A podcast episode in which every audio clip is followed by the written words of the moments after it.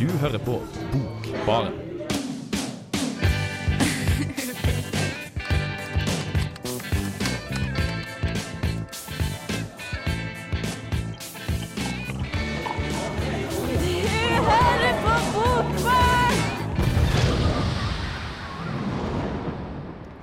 Du hører på Bokbarn. Velkommen til vår andre Best of-sending. Vi liker å ha sommerferie, vi òg, så vi har samla en del eh, ja, tips om bøker som vi syns dere skal få høre på, da, som sendes nå i sommer. I dag så har jeg Idun Fivelstad, Mathias Samuelsen og Kristine Fredriksen her i studio med meg, og jeg heter Eline Bjørkan. Vi skal snart eh, begynne rett på sak. Eh, Jeg har lyst til å introdusere dere for en tegneserie som heter Sandman.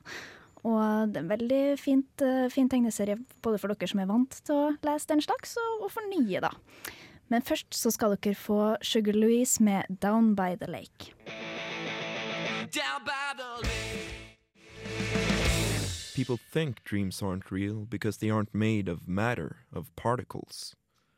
Dreams are real. But they are made of viewpoints, of images, of memories and puns and lost hopes. Det var et sitat fra Neil Gaimans tegneserie Sandman. En surrealistisk suppe av en serie på 75 historier, fordelt over 11 tegneseriehefter, som garantert vil få deg til å rive deg i håret. Få dine små grå til å koke og boble og jobbe for harde livet, mens de desperat prøver å finne ut av hva faen? Hva faen? For det er store tema som blir tatt opp. Gaiman briljerer med forskjellige verdener, mytologi, tid og rom og en god dæsj menneskelig natur som han smelter sammen, snur opp ned på og krydrer med sin egen hemmelige ingrediens, sånn at resultatet blir helt ulikt noe annet du har lest før. Hovedpersonen er Dream, en personifikasjon av ideen om å drømme, en drømmeverden, forestillinger og historier. Han har en søskenflokk som også representerer ulike aspekt ved det å være menneske. Destiny, Death, Destruction, Desire, Despair og Delirium.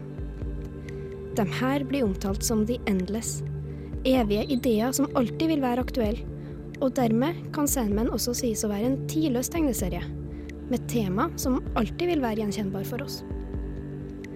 Og det er nettopp denne blandinga av noe veldig familiært, noe som angår de fleste mennesker, og det her magiske, surrealistiske settinga som metter oss på flere måter. Vi får det gjenkjennbare, det troverdige, samtidig som det er flaust med hendelser som pirrer nysgjerrigheten, og ikke minst utfordrer vår forestillingsevne. Noe som også sikter til at serien handler like mye om oss som om Dream og hans univers, er f.eks. det at utseendet til The Endless forandrer seg avhengig av hva som forventes av dem de er i selskap med. I en av historiene spør Marco Polo om Dream alltid fremstår så bleik, og til det her svarer Dream at det er avhengig av hvem som ser. Det å skulle oppsummere hele sulamitten er en utfordring, da hver enkelt historie har sin egen handling, samtidig da, som de er en del av hele sammenhengen. Likevel kan man slå fast at Sandman handler om Dream som blir tatt til fange, og han unnslipper, og hvordan han takler forandringene som har skjedd i drømmeuniverset siden fangenskapet. Ikke minst konfronteres han med forandringer som skjer med seg sjøl. Og her kommer vi inn på et viktig paradoks. Kan Dream, en evig, uendelig, en endless, forandres? Gaiman har sjøl oppsummert plotter sånn. Drømmekongen lærer at han må forandre seg eller dø, og han tar en beslutning. Jeg må innrømme at jeg sitter igjen nyforelska etter å ha tatt for meg Neil Gaimans univers, som inneholder stort sett alt man kan drømme om. This is Alan Moore, and you're listening to The Book Bar. Det var Alan Moore, og før det så fikk dere høre om The Sandman. Vi skal over til noe ganske annet. Idun, du har lest eh, 'Vekk meg hvis jeg sovner'. Mm, det begynner å bli ei stund siden nå. Uh, Eivind Hofstad Evjemo sin uh, debutroman. Uh, fantastisk bok, meget poetisk. Få punktum, da, om en skal si det slik det er. Han vant jo, han vant jo Vesaas debutantpris Mm. sammen, eh, sammen eh, med, med, med Skomsvold. Mm. eh, for den, sånn at den er jo også prisbelønna. Det er den, og den er absolutt eh, verdt å lese. Skomsvold sin òg, for øvrig. Mm. Er det her noe som, kan, eh, som flere folk, til ulike folk kan like, da? Eller sin, Ja, det vil jeg absolutt eh, påstå. mm. Så en trønder. Viktig. Ja, det er veldig viktig. Det liker vi. ja. Jeg syns vi skal høre litt mer på hva du har også å si om det. I romanen 'Vekk meg hvis jeg sovner' tar Eivind Hofstad Evjemo oss med inn i barndomssomre.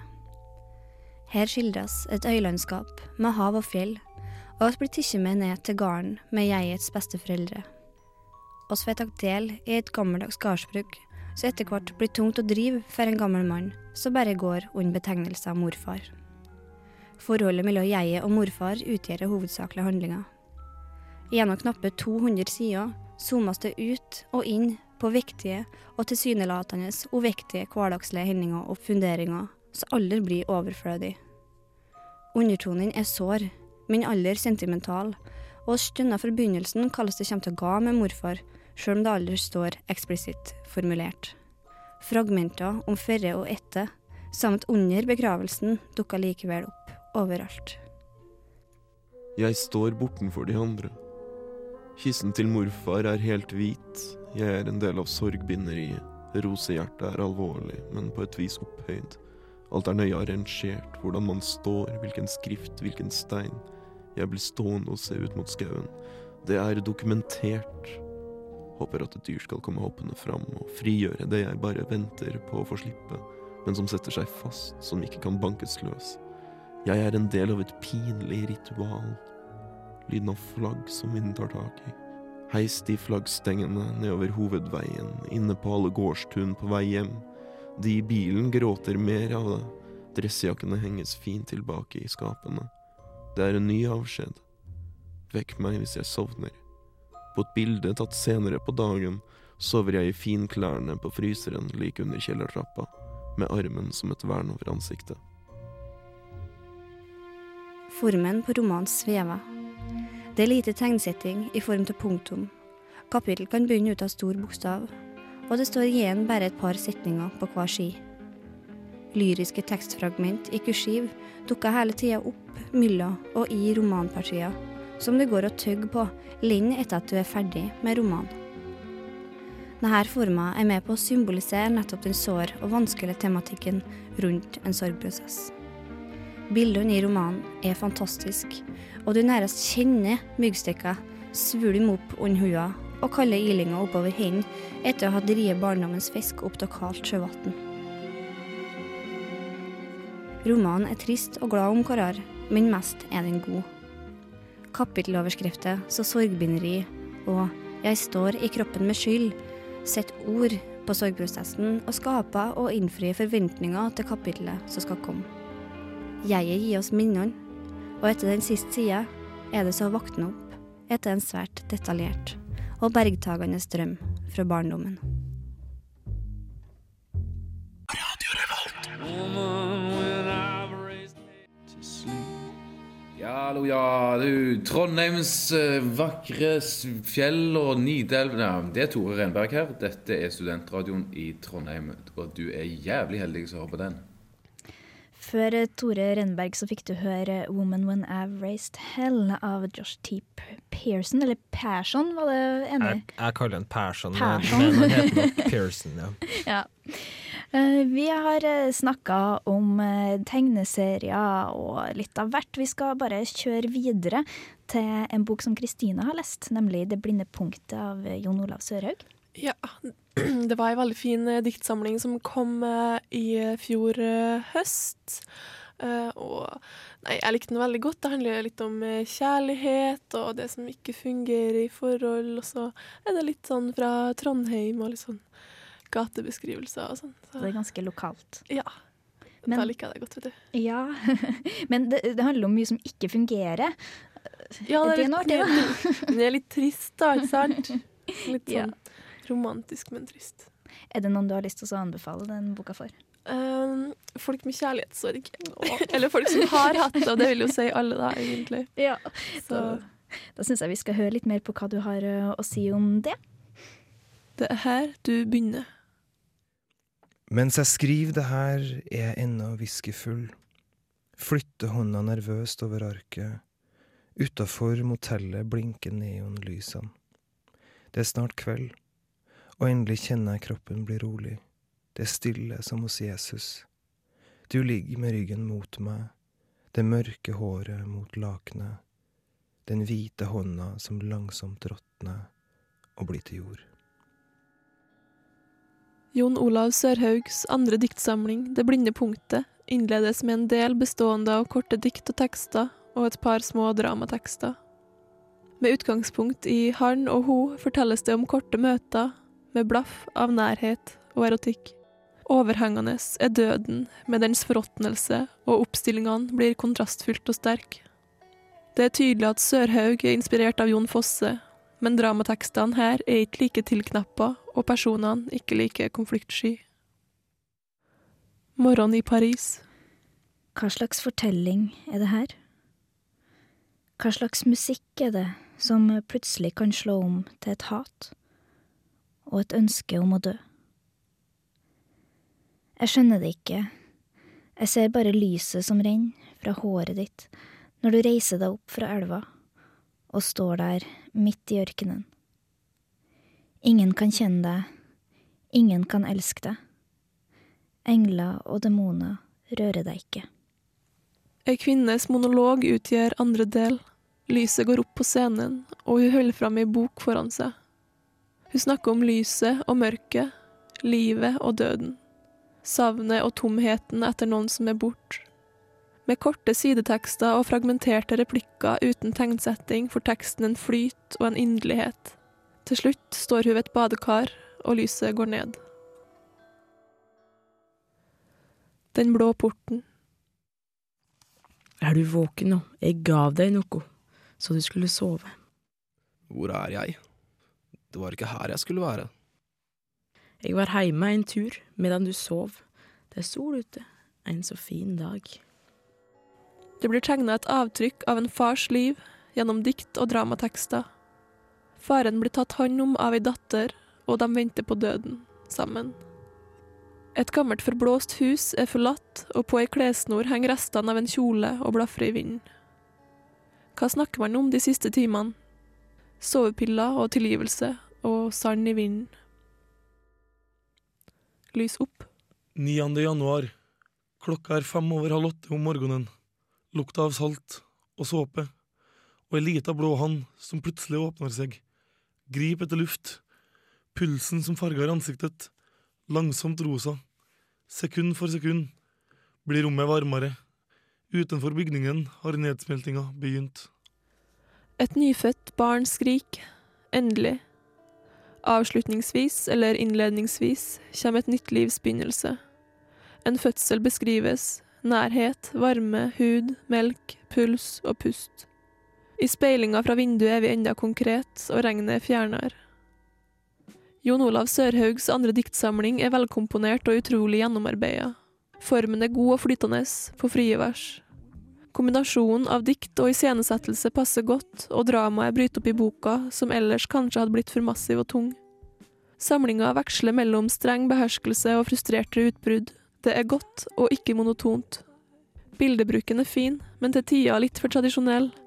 Sånn blir samlinga på kanten til for sentimental. Den kan bli litt for uttalt og tydelig, og det er for lite som blir hengende i lufta, og for mye som blir forklart. Likevel, det er vakkert og trist på samme gang. Det handler om fødselen og døden, og litt om det som er imellom. Savn, ensomhet, sorg og undring, og hva det er som mangler i tilværelsen som menneske. Det her finnes i Det blinde punktet av Jon Olav Sørhaug. Hej, du lytter til Jens Blindstrup fra Danmark, og nu skal du høre Bogbaren. Uh! Yay! før, eh, før han så fikk du høre Back Off med Jesse Arafat. Og en liten sånn eh, morsom fact er jo at det er bandet til søskenbarnet til teknikeren vår. ja. ja, vi skal fortsette videre. Eh, Kristine har hørt på Kristin Ribe som har lest ifra boka hennes Syn. Ja. Det er bokstavelig talt. Det bruker å være på på Samfunnet. De organiserer sånn høytlesning, høytlesninger der forfattere kommer og leser fra bøkene sine. Og det her er da altså Kristin Ribe fra eh, Nordisk på Dragvoll. Som, hun har gitt ut flere bøker, og den eh, siste boka hennes heter 'Syn' og handler om en liten gutt og eh, faren hans. Og den lille gutten er dødssyk, og Ribe utforsker da det her med døden, da. Han dør òg, og så drev de og pratet til hverandre sånn på, på, på en måte tvers av grava. Jeg bare sier at, jeg bare sier at uh, Ribe uh, er, er, er for så vidt ferdig på nordisk. Uh, Ja ja, hun er det, da, men hun har en master har en master, mm, fra ja. Dragvoll. Bare så vi sier det sånn at det ikke blir noe forvirring. Folk får lete etter da, eh, Oppå Nordisk institutt, for eksempel. Det er for at de syns det er så fint med opplesninga. Det er en veldig fin bok. 'Syn på oktober' kom i 2010.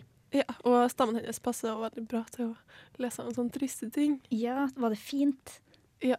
Men hvor ofte er det en bruker å ha sånn eh, bokstavelig talt?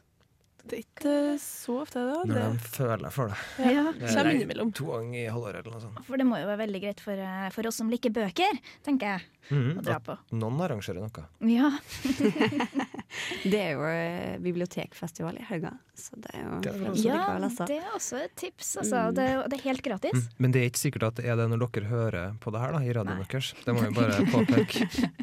Nei, det er, det er 18. mai i dag. Mm. 18. mai i dag, så førstkommende helg, så er det da bibliotekfestival. Yes. Ja. Vi skal forte oss videre, vi nå. Eh, vi skal snart eh, få høre på 'Styrta engel' av, av eh, Per Olov Enquist, som er en veldig, veldig fin bok. Vær så god. Jeg veit ikke hvordan vi kan dele opplevelser og tanker. Jeg veit ikke hvordan vi kan leve uten å dele opplevelser og tanker. Veit å riste, veit å råde, veit å farge, veit å våge. Jeg ser han har det vondt. Jeg ser hvor vondt han har det i hele kroppen, magen. Jeg ser hvor lite han orker. Men det er ikke mulig for en pappa å se sin eneste sønn ha det sånn. Det er ikke til å holde ut. Som om jeg bare vil legge meg ned og aldri stå opp mer. Som om jeg aldri mer kan si et ord med mening. Som jeg aldri mer kan la være å skjelve på hendene. Pappa, kan du fortelle fra da jeg var liten? Kan du fortelle om da jeg var sovna på nyttårsaften, og du måtte vekke meg så jeg skulle få se rakettene? Pappa, kan du lese Gummitasjen mens jeg bare ligger her og lukker øynene? Kan du ikke lese litt for meg selv om det ser ut som jeg sover? Og så tenker jeg, jeg skal klare dette. Klare å hjelpe ham ut av sykdommen. Klare å hjelpe ham frisk fram tilbake. Klare å finne en redning. Han kommer ikke til å dø hvis jeg tenker på ham. Han kommer ikke til å dø hvis jeg lengter, lengter nok. Hvis han fullt ut forstår hvor vondt jeg har det. Hvor stor innsats. Se her, skal jeg si når jeg snur og går tilbake. Se her så mye det betyr for meg. Jeg har gått og tenkt og tenkt på deg. Gjort alt jeg kunne. Pressa meg til det ytterste for å få det til. Få til en fin fortelling om oss, om du og jeg sammen, skulle jeg si. Og liker du det? skal jeg spørre. Ser du nå hvor mye jeg bryr meg om deg? Dette er min sønn. Han har kommet seg igjen, blitt helt frisk. Dette er min sønn som ingen kan røre. Dette er min sønn som lyser, som gir meg all mening. Pappa, skal vi spille fotball? Pappa, kan du og jeg gå og bade? Pappa, kan Bjørnar ligge over? Han av faren sin. Pappa, vær så snill. Anneluk, hvorfor er det sånn, Anneluk, at fingrene mine ikke kan holde på noe? At du glipper unna når jeg bare, bare, bare vil holde deg fast? Så trøtt jeg blir av det. Jeg sover og sover, men jeg våkner aldri uthvilt. Når du er død, hvordan skal jeg nå deg? Hvordan skal jeg vite om du har det bra? Jeg skal bare ut og kjøpe avisa, sa jeg da jeg gikk fra ham. Jeg går ikke inn igjen. I stedet går jeg her mot fjellene, skogene, dekk fra dette dekk. Hvis jeg ikke ser på, skjer det ikke. Da lever han ennå, da er det ennå ikke for seint. Og likevel, jeg veit jo også at han ligger der. Et barn i senga. Et barn som puster med lukkede øyne. Tolv år. Var det alt jeg skulle få? Pappa kan høre. Hvis jeg virkelig trenger det, kan pappa høre meg, høre hemmeligheten. I begynnelsen var jeg ikke så redd. Men jeg er redd nå. Det er så vanskelig å slutte å snakke. En gang må jeg slutte å snakke.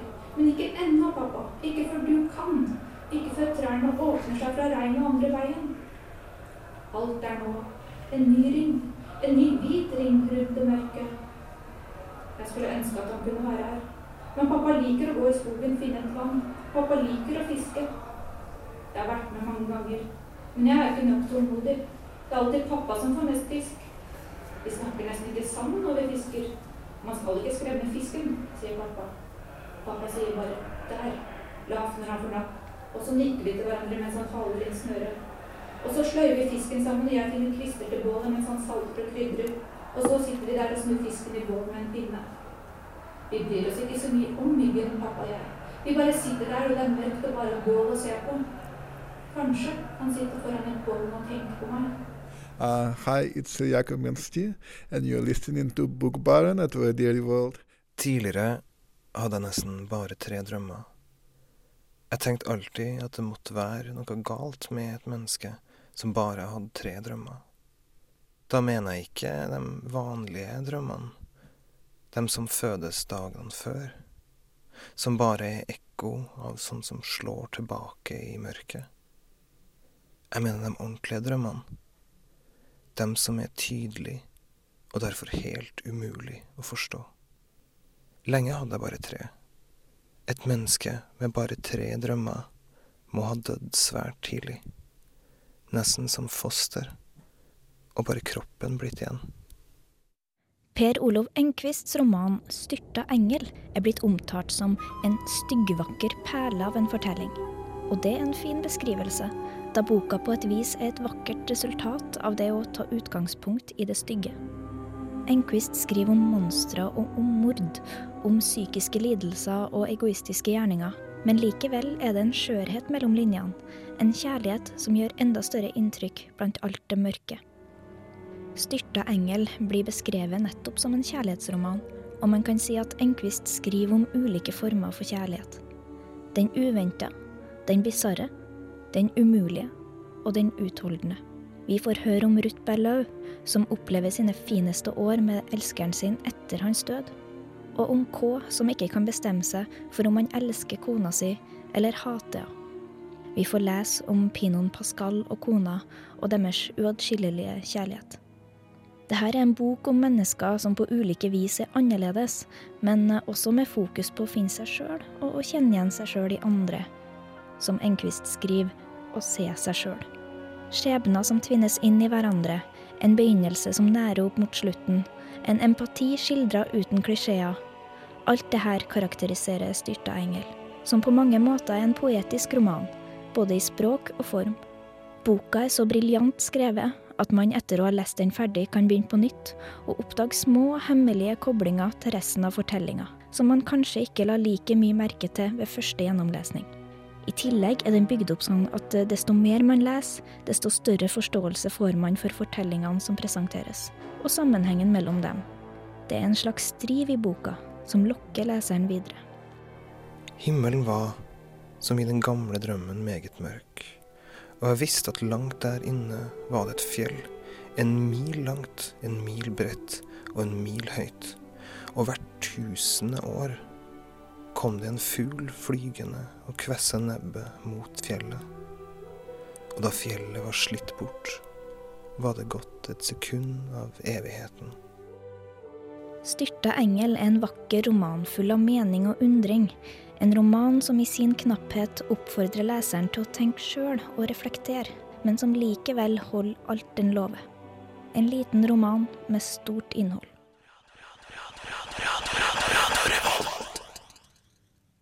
Styrta engel der også.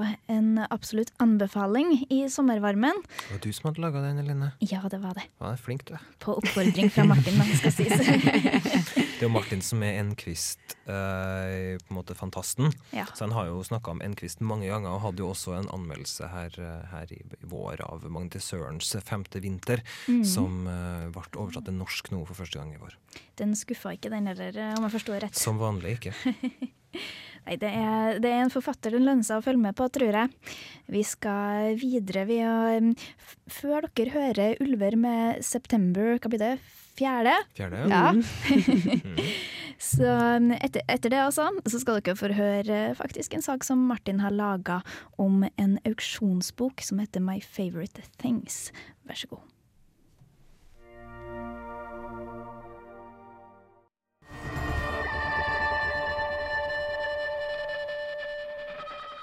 Hei, Det er Pedro Carmona Alvarez. Du hører på Bokbaren på Radio Revolt. Tanken om at tingene våre forteller noe om hvem vi er, er på ingen måte en revolusjonerende tanke. Fotografier, klær og andre småting bærer med seg mange små vitnesbyrd om personen de kan knyttes opp imot.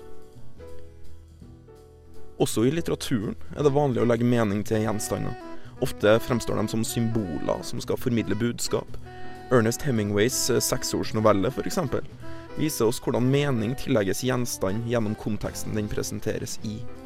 I Hemingways tilfelle en salgsannonse. For sale. Baby shoes. Never worn. Det er noe av den samme tankegangen som ligger til grunn for Leanne Shapton sin bok 'Viktige kunstgjenstander og personlige eiendeler' fra Lenore Doolan og Harold Morris' samling, inklusive bøker, moteklær og smykker. Forkledd som en auksjonskatalog presenterer denne boka noen objekter som til sammen utgjør historien om et kjærlighetsforhold. Alt fra kinobilletter til tweeddresser legges frem som vitnesbyrd om øyeblikk og følelser, og gjennom boka får vi innblikk i deres private liv. Jeg tolker meg dit hen at selve formen, altså auksjonskatalogen, også kan være med på å si noe om hvordan livet i samtida ofte er på utstilling. At alle sin livshistorie er til salgs, eller noe sånt. Internett og selvrealiseringskultur og bla, bla, bla. Ja da. For det der interesserer meg egentlig ikke så veldig.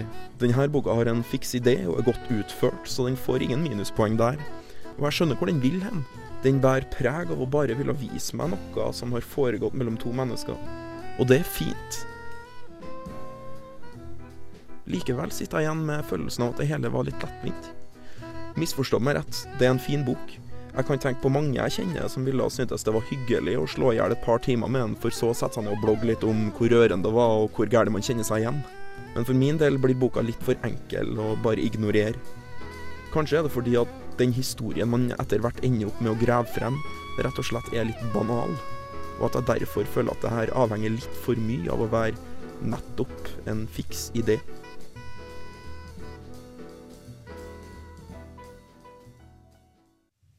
Det var da Martin Ingebrigtsen som hadde lest eh, en auksjonskatalogroman, av alle ting. Um, det, den heter da 'Viktige kunstgjenstander og personlige eiendeler' fra Leonor Doolan og Harold Morris. Um, ja, den var visst Jeg vet ikke om han var så fornøyd med den. Vi kom frem til at det var en sånn hipster-blekke. Av en bok som var på en måte presentert som en eh, sånn eh, katalog, ikke sant. Og så var det på en måte med alle de riktige tingene inne som skulle fortelle en historie, og så fortalte egentlig ikke noe annet enn at de var veldig kule. Ja.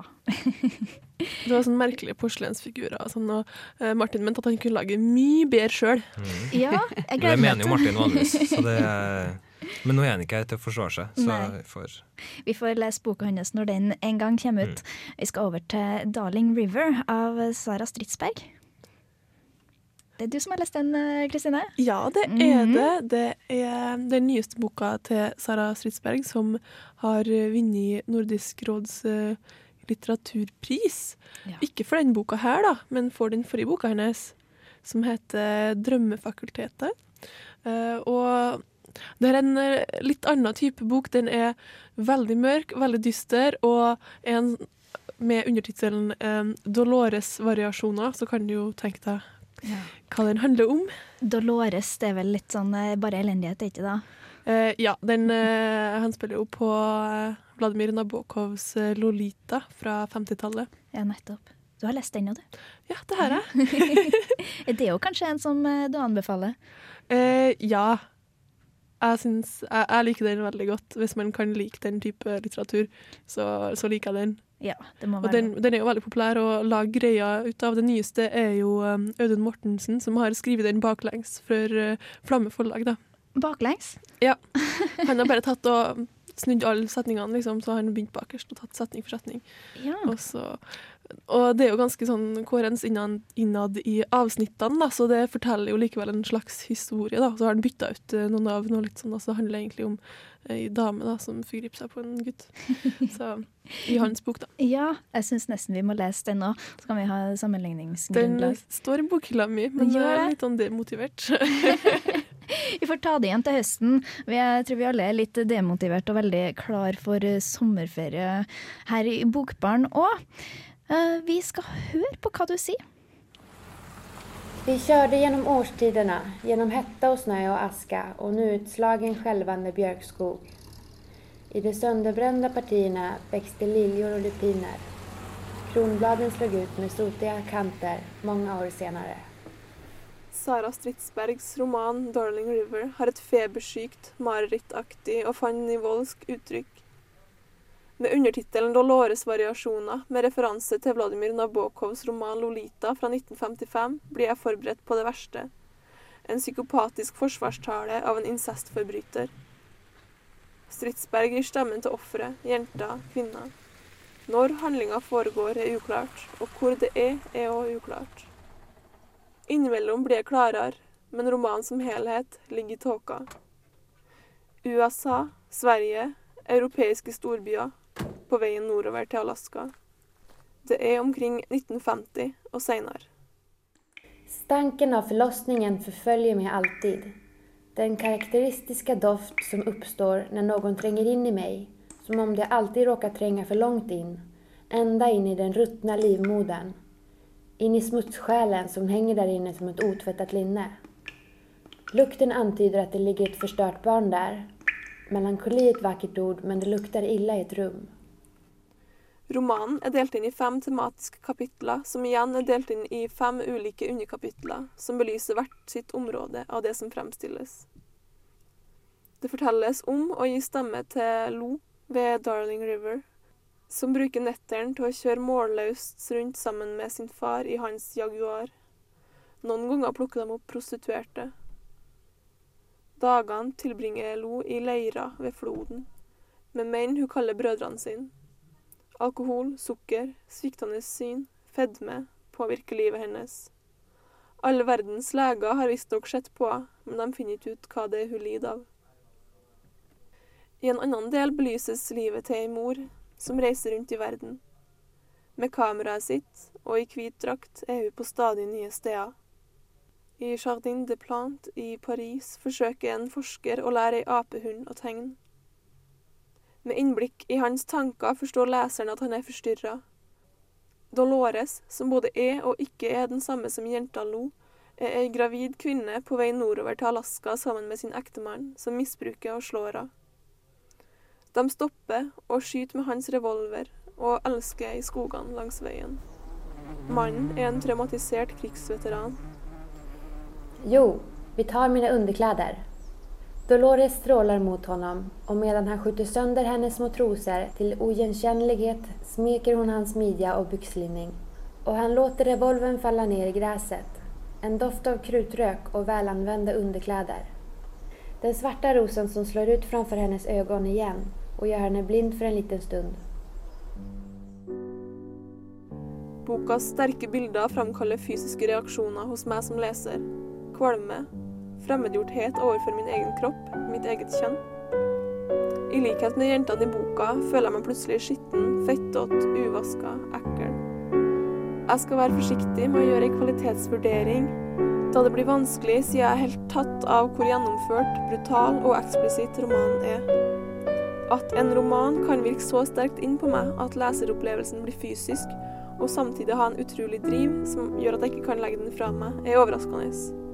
Stridsberg tar Lolita-temaet helt ut, og er ikke redd for å overdrive i bruk av bilder og beskrivelser. Teksten er utrolig kompleks, med mange lag og sammenfletta metaforer. Noe jeg ikke er så imponert over, er der hvor hvert hovedkapittel avsluttes av en encyklopedi, der Stridsberg har ord og begrepsforklaringer. Hun undervurderer leseren i definisjoner av f.eks. den ensomme fotografen. Jeg sitter igjen utmatta og lurer på hva Stidsberg egentlig vil fram til i denne boka. Hva er denne boka? En mor befinner seg på divanen. Hun har kjørt omkring i sin lilla bil i Europa under flere år. Så fort hun har talt med en menneske for andre gangen, har hun vært tvungen å gi seg av. Nå har hun bodd i Wien i 13 måneder. Den enda hun har talt med mer än en gang, er denne legen som hun har besøkt flere ganger varje vecka. Älskarna är tillfälliga och det händer det tar henne för en prostituerad trots hennes diskreta yttre. Det är någonting med hennes mun, hungern utstrålar. Att hon är fördömd, slocknad, utbränd. The cold mountain trail goes on and on. Cold Mountain med Your Headlights Are On der, altså. Vi i Bokbarn kjører ei ordentlig sommersending, og har derfor bare tatt med det som er best of i dag. Så du har fått mange godbiter. Blant annet så har vi snakka om tegneserier, Sandman. Eh, Det var vel en eh, Ja, det var lest helt på begynnelsen av, eh, av det her skoleåret. Men fremdeles veldig gjeldende, altså. Så anbefaler, anbefaler absolutt den på det sterkeste i sommer. Eh, Vi har også vært innom eh, Vekk meg hvis jeg sovner av eh, Eivind Hofstad Evjemo. Mm, Debutantprisvinner i fjor. Ja. Det var, det var noe du likte godt, var ikke det? Ja, det var kjempegodt. Så har han fått lov til å være med, sjøl om det er litt lenge siden. Ja, nei, men det er ikke noe hindring. Eh, vi har uh, snakka om eh, Det blinde punktet. Jon Olav Sørhaug. Ja, at det er en nydelig diktsamling som kom i fjor høst en gang. Mhm. Det, det er også en oppfordring til alle. Uh, så vi, ja, det er litt for, litt for de fleste. Altså, det, vi har både tegneserier, romaner og dikt, og det skal bli ganske godt dekt her. Uh, videre så har vi også hatt um, Uh, vi hadde en opplesning fra Kristin Ribe fra hennes bok 'Syn', som vi ikke har lest. Men eh, Nei, men jeg fikk høre store deler av den på, på knaus på Samfunnet for eh, Ja, når var det det? Var i april en gang. ja, 13. april. Mm. Mm. Og det hørtes lovende ut. ja. ja. Uh, videre så har jeg snakka litt om Per Olov Enquist, ja. Som vi, er, vi, er veldig, vi er flere da, i Bokbarn som er veldig glad i han. Ja, eh, For eksempel Martin, som det er hans store kjærlighet. Det er virkelig det også. Uh, Styrta engel, en kjempefin eh, fin bok. eh, og en som du kan lese flere ganger. Du oppdager nye ting ved den å lese. Jeg tror nesten du må lese den tre ganger. Ja, ifølge Martin så er den veldig fin til å gi til, til kjærestene sine. Ja, for Oi, for Martin gir den til alle Jeg har jo fått den av Martin. Har du òg det? Ja. Ikke si her, da. Nå er jeg på lufta. For sent. Ja. Men det er jo en, en kjærlighetsroman, og, og det, når du leser det, så kan du kanskje tro at det er litt sånn klissete og sånn, men det er det virkelig ikke. også, for det er veldig mange forskjellige typer kjærlighet i, som den, i den boka. Da. Det er nesten litt sånn fantasy-aktig, er det ikke? Det er litt, litt sånn surrealistisk preg på den, kan du si. Uh, jeg tror Du trenger ikke å være sånn iuga fantasyentusiast for å like den heller. Det er litt for, litt for alle. Vi sier takk for oss nå. Vi har også snakka om Darling River, forresten. Det kan jeg bare få med. Eh, I studio så har vi vært Idun Fivelstad, Mathias Samuelsen og Kristine Fredriksen. Jeg heter Eline Bjerkan og ønsker dere en god sommer.